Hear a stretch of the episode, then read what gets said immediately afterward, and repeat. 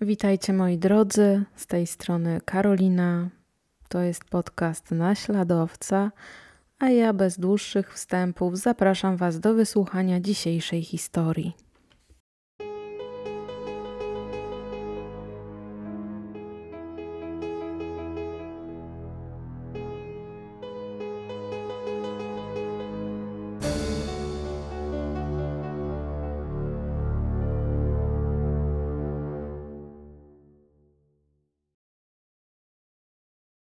Bliźniacy Greg i Jeff Henry urodzili się 23 stycznia 1955 roku w Dublinie w stanie Georgia.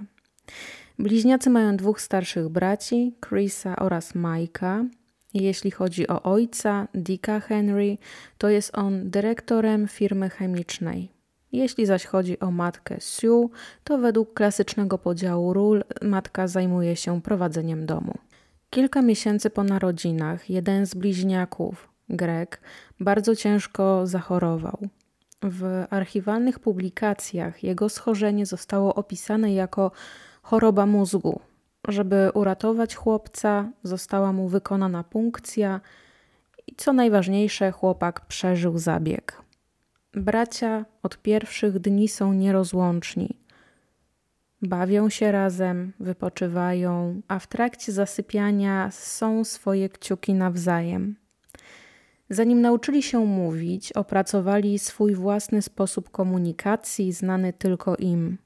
Bardzo świetnie radzą sobie we dwóch i wydawać się może, że nie potrzebują w swoim świecie nikogo innego. Tak jak w przypadku bliźniaków Markus, którą historię opowiadałam chwilę wcześniej, Greg i Jeff wywołują niemałe zamieszanie. Mieszkańcy miasta nigdy wcześniej nie widywali charakterystycznego podwójnego wózka. Matka wozi ich w każdą niedzielę do kościoła. Rodzina jest tradycyjna katolicka. Często odwiedzają również klub golfowy, w którym sporo czasu spędza Dick. Od pierwszych dni życia obaj są rozpieszczeni przez rodziców, Dzięki posadzie ojca mogli pozwolić sobie na więcej niż przeciętna rodzina. Wszyscy mówią do nich per bliźniacy i nie używają ich imion. Chłopcy są do siebie tak bardzo podobni, że nawet Sue nie jest w stanie ich rozpoznać i za każdym razem, kiedy ma problem z rozróżnieniem synów, prosi chłopców o podwinięcie koszulek do góry. Dlaczego? Jeden z nich ma pępek wklęsły, a drugi wypukły i to jest ich cecha charakterystyczna. W kwietniu 1958 roku u Dicka Henry'ego zostaje zdiagnozowany nowotwór mózgu. Rok później mężczyzna przegrywa nierówną walkę z zabójczą chorobą. Pieniądze, jakie Sue otrzymuje po śmierci męża, nie wystarczają na utrzymanie siebie i czterech chłopców. W wieku 40 lat kobieta musi podjąć pracę jako sekretarka. I jak później powie, robisz to, co musisz, aby sobie poradzić. W roku 1962 Sue wychodzi ponownie za mąż. Jej wybrankiem jest Dublinczyk Jack Wright. Siedmioletni wówczas bliźniacy nie przepadają za swoim nowym ojczymem. Jack jest surowy i bardzo zaborczy próbuje dyscyplinować Grega i Jeffa za wszelką cenę. I jeśli chodzi o małżeństwo Sue i Jacka, to przetrwało ono 11 lat. W tym czasie między parą dochodziło do licznych kłótni, które bardzo często prowadziły do rękoczynów. Sue radzi sobie z problemami, zaglądając do kieliszka i robi to zdecydowanie za często. Bliźniacy, choć bardzo podobni fizycznie, mają różne charaktery. Greg to jest urodzony ekstrawertyk, dominuje i przewodzi we wszystkich sprawach. Jeff obiera pasywną postawę, jest wycofany i introwertyczny. Poddaje się dominacji Grega, co zdaje się odpowiadać im obu. W czasach przedszkolnych i szkolnych Greg nawiązuje liczne znajomości.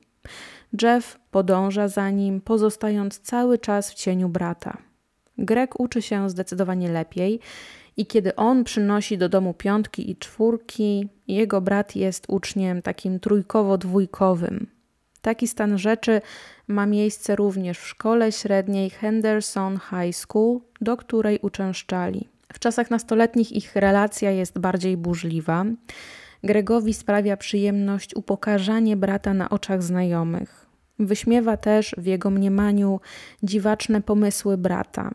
Jeśli Jeff kiedykolwiek odważył się postawić bratu, konflikt błyskawicznie eskalował do rękoczynów. Greg cieszy się również większym powodzeniem wśród płci pięknej. Jeff nie ma takiego szczęścia jak jego brat. Jest również słabszy fizycznie od Grega. To sprawia, że chłopak czuje się gorszy i popada w kompleks niższości. Jeff bardzo lubi naprawiać radioodbiorniki i zestawy stereo. Zresztą elektroniką interesowali się obaj od najmłodszych lat. Czytali namiętnie wszystko, co wpadało im w ręce i co było związane z technologiami. Mimo różnic w sposobie bycia, mają wspólne marzenie o byciu w przyszłości naukowcami. Pod koniec lat 60. u najstarszego brata bliźniaków Richarda zostaje zdiagnozowana schizofrenia. Młody mężczyzna trafia do szpitala.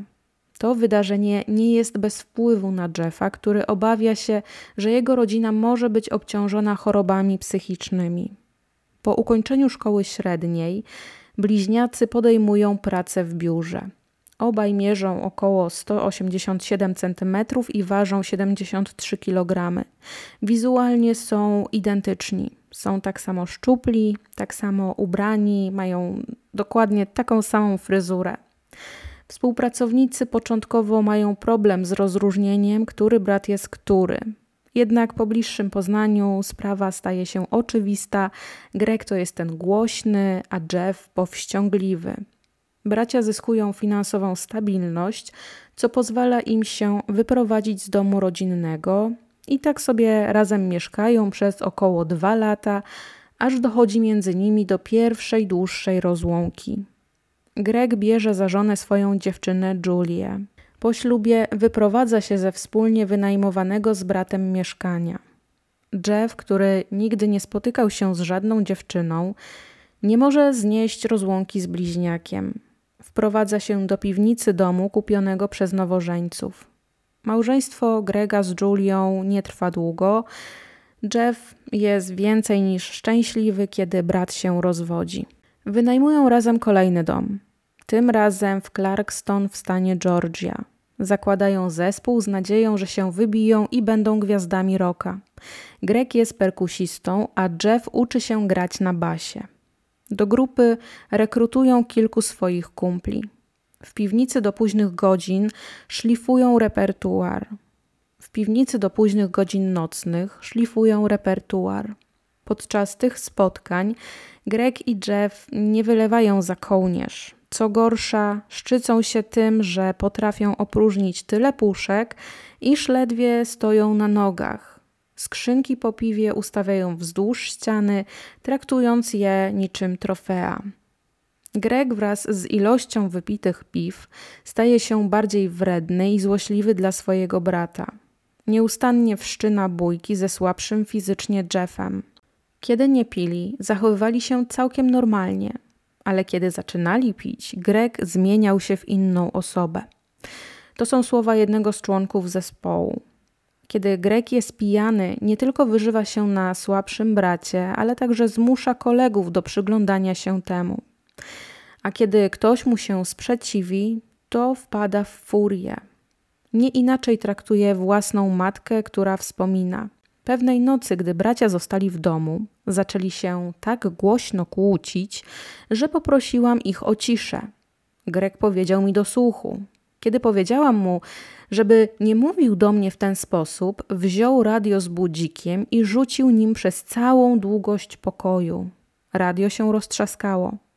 Potem po prostu zabrał swoje rzeczy, wsiadł do samochodu i odjechał.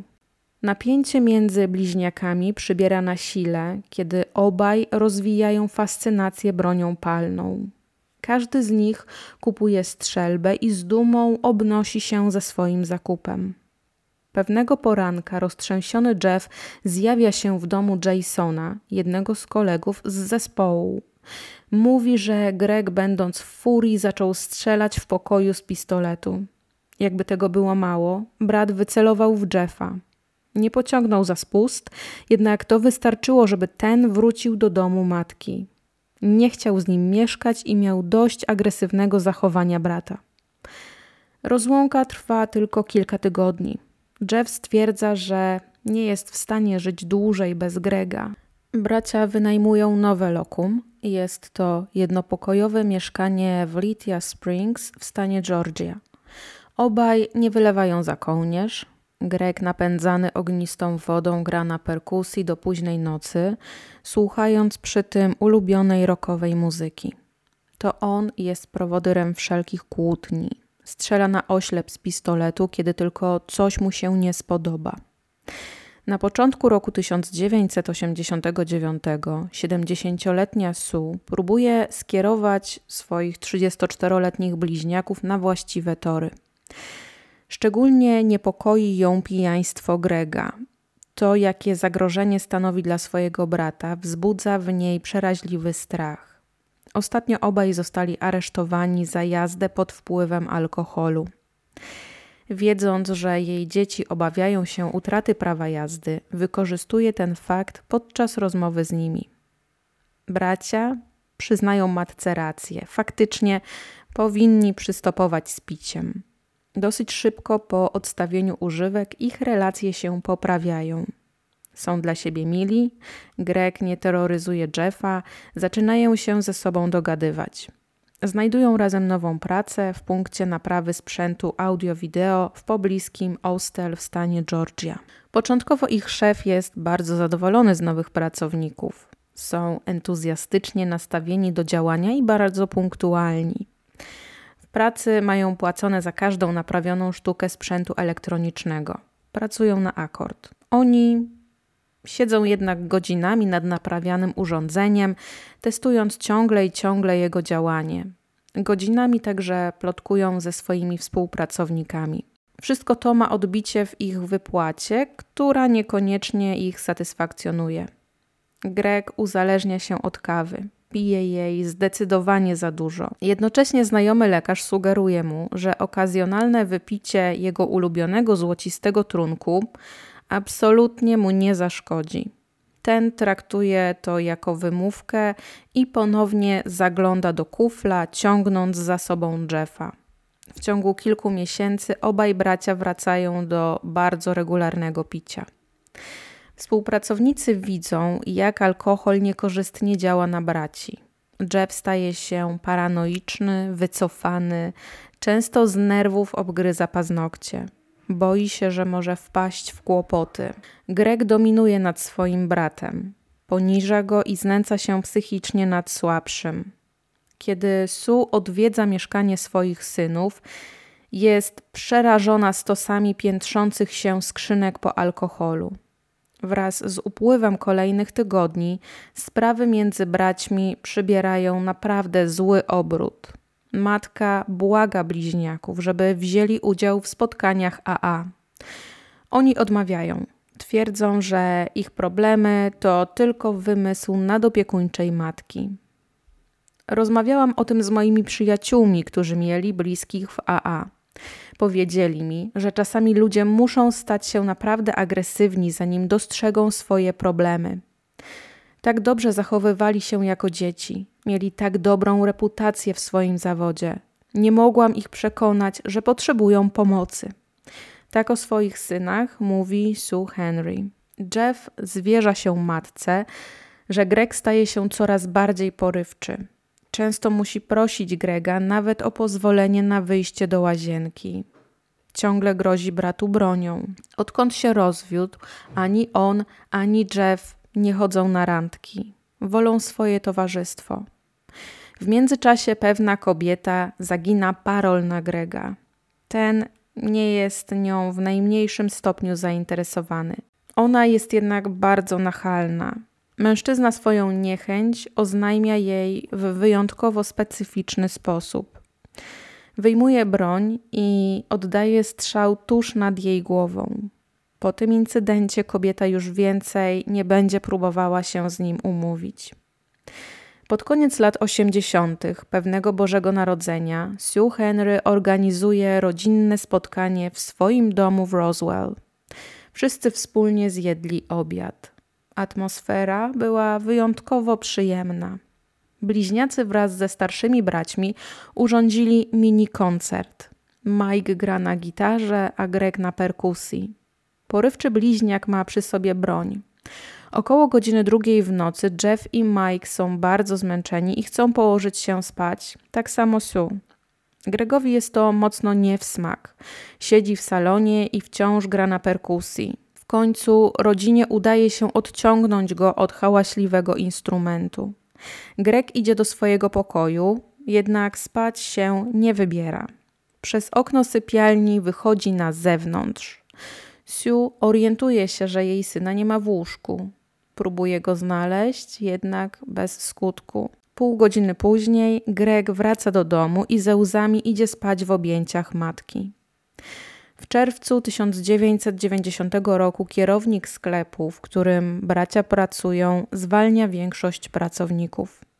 Bliźniacy Henry zatrzymują jednak swoje posady. Pomimo tego, że nie pracują zbyt szybko, to jednak szef ich bardzo docenia. Są najlepszymi specjalistami w zespole. Kiedy są chorzy i przez to nie są w stanie wykonać wszystkich zleceń, chętnie nadrabiają zaległości po godzinach, kiedy już mają okazję. W ciągu kilku następnych miesięcy Jeff staje się jeszcze bardziej zamknięty w sobie. Greg natomiast bardziej nieznośny i niewdzięczny. Bez skrupułów wysługuje się swoim bratem, nawet w najprostszych czynnościach, takich jak przyniesienie posiłku. Im więcej Greg żąda, tym bardziej Jeff mu oferuje i robi to bez mrugnięcia okiem. Kolejny rok picia bardzo negatywnie odbija się na ich relacji. W ciągu dnia pracują, wieczorami i weekendami przesiadują w mieszkaniu. Ich jedyną rozrywką jest oglądanie meczów i starych filmów. Piją przy tym na umór. Każdej nocy Greg gra na perkusji aż do białego rana. Kłótnie braci i ciągła gra na bębnach irytuje sąsiadów braci Henry. Pewnego wieczora w czerwcu 1991 roku do ich drzwi puka ochroniarz kompleksu mieszkaniowego. Powodem wezwania jest bardzo głośna awantura, którą słyszeli sąsiedzi. Kiedy stróż wchodzi do mieszkania wynajmowanego przez Jeffa i Grega, dosłownie doznaje szoku. Ręka Grega jest przecięta, a Jeff ma czerwone plamy na swojej koszuli. Obaj są kompletnie pijani. Mieszkanie jest zaśmiecone puszkami i skrzynkami po piwie. Na dywanie widoczne charakterystyczne czerwono-brunatne plamy, a ściana naprzeciwko drzwi wejściowych jest poważnie uszkodzona. Bliźniacy nie chcą rozmawiać z ochroniarzem. Ten zauważa na łóżku naładowaną broń kaliber 12. Informuje ich, że zgłosi ten incydent właścicielowi mieszkania i obaj zostaną eksmitowani.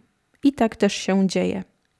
Kilka dni później otrzymują pismo z rozwiązaniem umowy. Oficjalnym powodem wypowiedzenia jest zamieszkanie jednopokojowego lokum przez dwie osoby.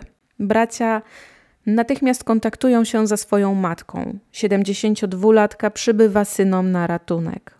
Znajduje im przytulne, dwupokojowe mieszkanie w okolicy. Pomaga w przeprowadzce. Po opróżnieniu poprzedniego mieszkania, Greg każe Jeffowi wrócić do kawalerki i doprowadzić ją do porządku.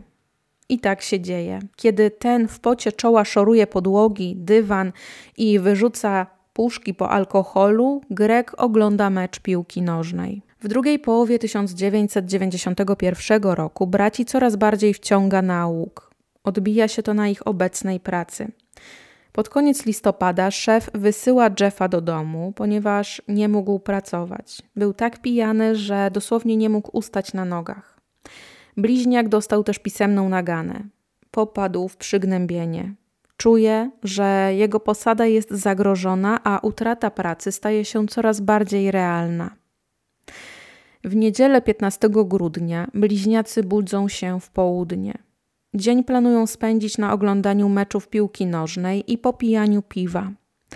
Zaczynają od rywalizacji Atlanta Falcons. Kłócą się ze sobą na temat każdej decyzji sędziego. Między meczami Greg każe Jeffowi przygotować obiad i on chce zjeść ziemniaki z krewetkami i wypić przy tym jeszcze więcej piwa. Drugi mecz oglądają już całkowicie pijani. Później oglądają jeszcze jakieś filmy na kasetach VHS. Telewizor wyłączają około pierwszej w nocy. Opróżniają kolejne butelki i puszki. Nie kładą się spać. Rozmawiają na tematy związane z elektroniką i ze źródłami zasilania.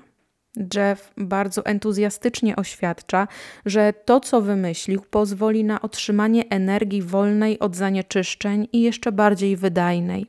Greg totalnie śmieje się z brata i zarzuca go inwektywami. Potem staje się coraz bardziej agresywny. Wywiązuje się bójka. Greg zrzuca brata z krzesła i ciągnie go za włosy. Potem biegnie do swojej sypialni, myśląc, że brat chce mu grozić bronią. Jeff jednak ruszył po swoją własną. Potem wchodzi do pokoju brata i widzi Grega leżącego na łóżku. Czuje, że wszystkie lata udręki, upokorzeń, pomiatania nim właśnie przelewają czarę goryczy. Celuje w pierś brata i pociąga za spust. Strzał oddaje z bliskiej odległości. Po chwili Jeff nie wierzy sam w to, co zrobił. Nie może uwierzyć, że właśnie strzelił do Grega. Zszokowany wybiega z sypialni na korytarz. Próbuje się uspokoić. Rzuca broń w kąt pomieszczenia. Wraca do sypialni. Zdesperowany idzie w stronę brata. Siada na łóżku i błaga go, żeby ten nie umierał. Konający Greg patrzy na niego jednym otwartym okiem. Jeff błaga go, żeby już nigdy więcej nim nie pomiatał, żeby dał mu spokój. Przykłada dłoń do rany brata i próbuje tamować ranę. Jest już jednak za późno. Greg umiera w ramionach swojego brata. Jeff, nadal nie wierząc w to, co się stało, próbuje reanimować brata. Trwa to około pięciu minut. Widząc, że nic już nie może zrobić, zamyka oko brata i wybiega z mieszkania. Wsiada do samochodu i odjeżdża. Szuka budki telefonicznej, żeby zadzwonić do matki i poprosić ją o pomoc. O godzinie drugiej w nocy Sue Henry musi zmierzyć się z szokującą informacją. Mamo, pozbawiłem życia Grega. Próbowałem go ratować, mamo. Reanimowałem go. Zrobiłem wszystko, co mogłem. On nie żyje, mamo. On nie żyje. Zachowując trzeźwość umysłu, matka nakazuje zostać synowi tam, gdzie jest. Jeff był w tym czasie na stacji benzynowej. Sue obiecuje, że przyjedzie po syna i się nim zaopiekuje, tak jak to robiła zawsze wcześniej. Zapewnia Jeffa, że wszystko będzie dobrze. Jednocześnie zawiadamia policję i zgłasza zdarzenie z udziałem synów. Później Sue Henry przyzna, że nie była zaskoczona tym, co usłyszała w nocy od syna. Gdzieś w głębi duszy wiedziała, że w końcu do tego dojdzie.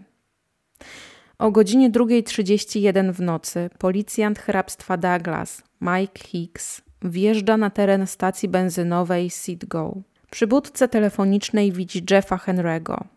Biała koszulka mężczyzny oraz wyblakłe dżinsy są całe ubrudzone w czerwonej substancji. Wokół ust ma czerwonawo-brunatny okrąg. Policjant bardzo ostrożnie podchodzi do Jeffa i pyta, co się stało. W odpowiedzi słyszy: Zastrzeliłem brata. To była samoobrona. Miał broń i strzelił do mnie, więc ja oddałem strzał ze strzelby w jego stronę. Po usłyszeniu takiego oświadczenia, Mike Hicks zakuwa mężczyznę w kajdanki i przeszukuje go.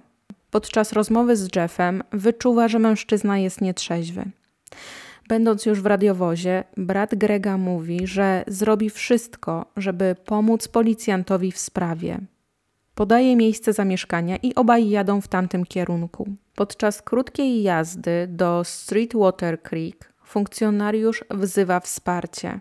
Przed budynkiem czeka na nich porucznik Eddie Morris, który po zjawieniu się Majka z zakutym w kajdanki sprawcą sam udaje się pod wskazany adres. W sypialni znajduje mężczyznę bez koszulki, leżącego na łóżku. Na jego piersi widzi ranę postrzałową. Sprawdza puls oraz wyczuwalność oddechu. Nie wyczuwa ani jednego, ani drugiego. Stwierdza z całą pewnością, że mężczyzna nie żyje. Na łóżku obok zmarłego leży broń. W drugiej sypialni również na łóżku kolejna. Łuska po strzale Jeffa upadła na podłogę w łazience.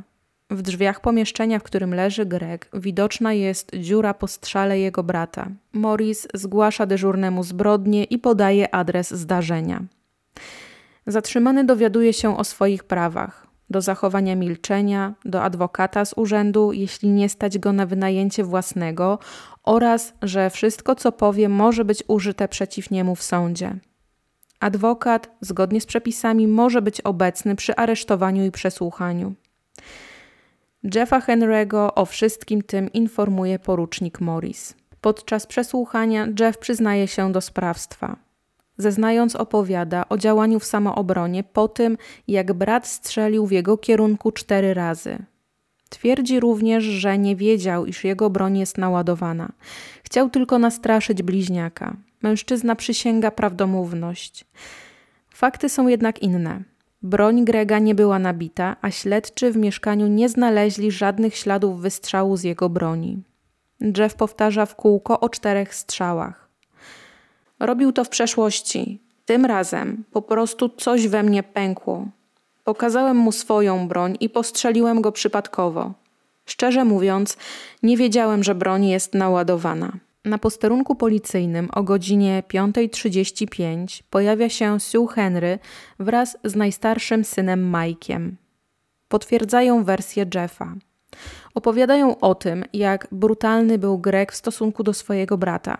Bardzo często oddawał strzały w kierunku Jeffa, a alkohol jeszcze uwypuklał jego paskudny charakter. Greg bardzo źle traktował bliźniaka, ale obaj byli od siebie niemal uzależnieni. Nie byli w stanie długo wytrzymać z dala od siebie. Zarówno dla Sue, jak i dla Majka zastanawiające było, że to Jeff odebrał życie Grega, a nie na odwrót. Byli tak blisko ze sobą, wspomina Sue. Rozmawiając z tobą, byli jak jedna osoba. Teraz straciłam dwóch synów, jednak chcę jednego z nich z powrotem. Jeff oczekuje na proces, a jego prawnicy zastanawiają się, w jaki sposób obronić swojego klienta. Decydują, że ich główną linią obrony będzie syndrom maltretowanej żony. O syndromie maltretowanej żony już wspominałam Wam w poprzednim podcaście, który dotyczył Grady'ego Stylesa. Natomiast tutaj wspomnę, że jest to zaburzenie, które rozwija się u ofiary przemocy domowej w wyniku długotrwałego znęcania się fizycznego i psychicznego przez małżonka.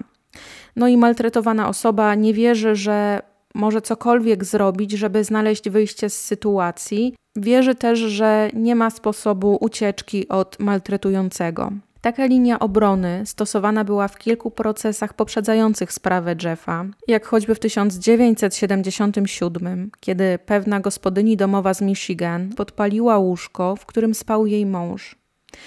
Również w 1986, kiedy to mieszkanka kanadyjskiej prowincji Manitoba po kłótni ze swoim partnerem oddała strzał w tył jego głowy.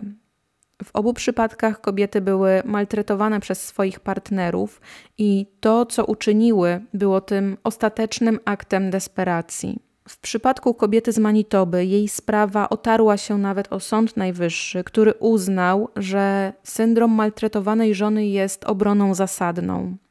I właśnie prawnicy Jeffa chcieli powołać się na ten precedens. Kaucja za Jeffa Henry'ego nie zostaje ustalona, co bardzo smuci jego matkę. Kobieta próbuje wpłynąć na sędziego. Oferuje mu własny dom w zamian za zwolnienie Jeffa z więzienia do czasu ogłoszenia wyroku. Propozycja zostaje odrzucona. Sue Henry mówi później dziennikarzom: Jestem matką ofiary i matką oskarżonego. Jestem rozdarta pomiędzy dwoma synami. Wszystko, co mogę zrobić, to stać za jednym z bliźniaków i wspierać go. Na pogrzebie Grega Sue zachęca zebranych, żeby modlili się za Jeffa, ponieważ on potrzebuje każdej możliwej pomocy. Kilka miesięcy po zbrodni zespół psychiatrów i ekspertów odwiedza więzienie hrabstwa Douglas, żeby ocenić stan psychiczny Jeffa Henry'ego. Podczas rozmowy z psychologiem mężczyzna oświadcza, że od momentu śmierci brata żyje z ogromnym poczuciem winy oraz jest przygnębiony z powodu swojego czynu. Mówi o wysypce na tle nerwowym, atakach lęku i bezsenności. W przeprowadzonych testach na inteligencję mężczyzna zdobywa 75 punktów, co oznacza wynik poniżej przeciętnej. Jeff otwiera się przed psychologiem. Mężczyzna zwierza się ze swojej nieśmiałości oraz kompleksu niższości. Opisuje dokładnie burzliwe relacje z bliźniakiem. Przebaczenia i ukojenia szuka w religii. Jest samodzielny w niewielkim stopniu. Właściwie nie on, tylko Greg kierował jego życiem i kreował jego tożsamość. To Greg był tym silniejszym, mądrzejszym, bardziej kompetentnym. Chronił Jeffa przed trudami życia. Mimo, że relacja była dla jednego z bliźniaków destrukcyjna, on tkwił w niej z obawy, że sam sobie nie poradzi. Pozwolił, by brat stał się jego panem. Ich relacja miała w sobie bardzo dużo cech sadomasochizmu. Po rozmowie z oskarżonym, doktor w swoim raporcie zapisuje: Jeff Henry jest ciepłą, spokojną osobą, która jest bardzo chętna do niesienia pomocy. Wydaje się niezwykle zależny i uległy. Pozwala innym brać odpowiedzialność za główne obszary swojego życia z powodu skrajnego pragnienia zadowolenia ich i niezdolności do niezależnego funkcjonowania. Jeff Henry może dać się zastraszyć i pozwolić znęcać się nad sobą, zamiast dochodzić swoich praw z obawy, że samotnie będzie mu jeszcze gorzej. Trzy i pół roku po zbrodni Jeff staje przed sądem. Podczas lat oczekiwania na proces mężczyzna czytał komiksy, modlił się i próbował pogodzić się z pozbawieniem życia bliźniaka. Matka odwiedzała go co tydzień. Próbowała pocieszać. Zwierzał się jej, że miewał koszmary, a sny, które dają mu spokój, to te, w których występował Grek i te, w których obaj byli dziećmi. W snach, kiedy bawił się razem z bratem, odnajdywał ukojenie. 17 kwietnia 1995 roku Bruce Harvey, obrońca Jeffa, tak rozpoczyna swoją mowę wstępną. Nie tylko kobiety są maltretowane. Na poparcie swoich słów, że syndrom maltretowanej żony może dotyczyć także bliźniaków, chcę powołać na świadka pracownika socjalnego, który specjalizuje się w przemocy emocjonalnej, żeby ten zeznał, iż Jeff cierpiał z powodu owego syndromu oraz miał objawy stresu pourazowego. Prokurator nie zgadza się z tym twierdzeniem. W swojej mowie czy Jeff Henry miał prawo odebrać swojemu bratu życie, Oskarżyciel wskazuje, że Greg zginął podczas libacji alkoholowej i wskazuje brak szans, aby wystrzelić ze swojej broni. Potwierdziły to także badania balistyczne. W obronie syna zeznaje Sue Henry. Opowiada, że normalnie Greg był miły i przyjazny, tak jak oskarżony. Jednak kiedy wypił zbyt dużo, wpadał w furię i dosłownie wszyscy się go bali. Ona także, chociaż jest jego matką. Na poparcie swoich słów kobieta przywołuje pewne zdarzenie, kiedy Greg, będąc w jej domu, upił się prawie do nieprzytomności. Matka błagała go, żeby ten został, dopóki nie wytrzeźwieje. Jednak jej syn wstał z fotela, odepchnął ją i kazał zejść z drogi. Swoje emocjonalne wyznanie kobieta kończy jednym zdaniem. Ich więź była mocniejsza niż jakakolwiek inna miłość, jaką w całym swoim życiu widziałam byli jak jedna tożsamość w dwóch ciałach. Proces Jeffa był naładowany emocjami. Obrońca był kilkukrotnie upominany za obrazę sądu. Ławnicy nie byli w stanie dojść do konsensusu. Połowa ławy przysięgłych opowiadała się za uniewinnieniem, publicznie oświadczając, że Jeff powinien zostać zwolniony, aby nie musiał przechodzić kolejnego procesu proces po trzech tygodniach został unieważniony właśnie przez niejednomyślność ławy przysięgłych. Miesiąc później Jeff wraca przed oblicze sędziego hrabstwa Douglas. Składa prośbę o wyznaczenie kaucji. Chce zamieszkać z matką do czasu drugiego procesu. W dzień tego spotkania na trawniku przed budynkiem sądu Sue organizuje wiec dla przyjaciół i rodziny. Wiąże wokół drzew żółte wstążki i robi plakaty. Zwolennicy oskarżonego przybyli tłumnie na miejsce i zajadając się kanapkami z grilla, żądają uwolnienia Jeffa. Jeśli chodzi o opinię publiczną, ludzie darzyli Jeffa sympatią. głównie za sprawą dosyć obszernych relacji z procesu, które były przekazywane każdym dostępnym medium. Zdeterminowana matka nie wiedziała jednak o tajnym spotkaniu prokuratora z obrońcami. W trakcie przerwy na lunch starali się wypracować ugodę w sprawie jej syna. Posiedzenie zostało wznowione. Sędzia widział wiec, czy też właściwie piknik zorganizowany przez Sue. Napomniał ją, że swoim działaniem nawiązuje do zamierzchłych czasów, gdy procesy przyciągały tłumy żądne rozrywki. Taki wstęp z ust sędziego nie zwiastuje niczego dobrego. Jednak mężczyzna powoli i cierpliwie przystępuje do wyjaśniania warunków ugody. Jeff będzie natychmiast wolny, jeśli tylko przyzna się do stawianych mu zarzutów, czyli do nieumyślnego spowodowania śmierci. Syn Siu zgadza się na takie warunki ugody. Zostaje niezwłocznie zwolniony i otrzymuje karę 10 lat pozbawienia wolności. Jednocześnie sędzia nakazuje mu trzymać się z dala od alkoholu. W przeciwnym wypadku wróci za kraty. Chwilę później oszołomiony Jeff odpowiada na pytania reporterów, którzy czekali na efekty dzisiejszej rozprawy. Ciągle w szoku i niedowierzając, mówi, że zacznie wszystko od nowa. Będzie pierwszy dzień na wolności, odkąd pozbawił życia brata bliźniaka. Dziękuję też swojej matce, nazywając ją najlepszą mamą na świecie. To ona pomogła mu przejść przez to wszystko, no i dziękuję także rodzinie. Jedna z ławniczek ściska Jeffa i mówi, że była jedną z osób, które wnioskowały o uniewinnienie oskarżonego podczas pierwszego procesu. Mężczyzna przeprowadza się do domu swojej matki w Roswell. Tak jak powiedział, próbuje zacząć od nowa. Jednak jego życie bez Grega nie jest już takie samo.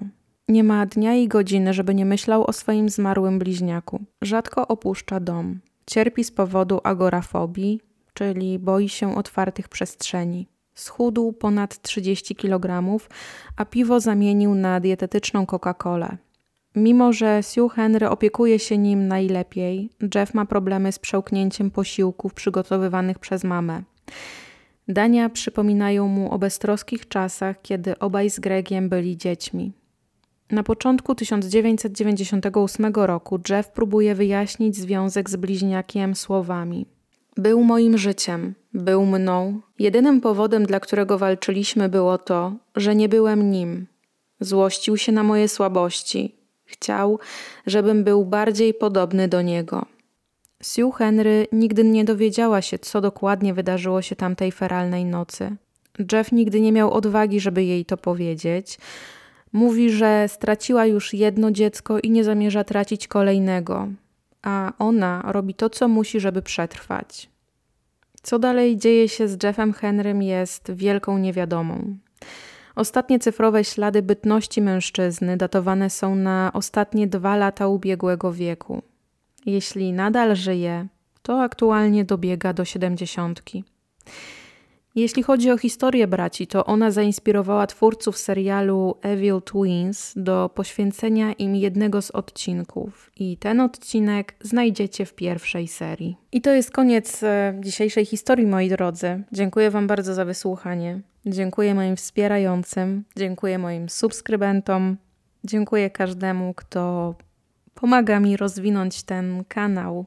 Jestem Wam bardzo wdzięczna, jak stąd do księżyca i z powrotem.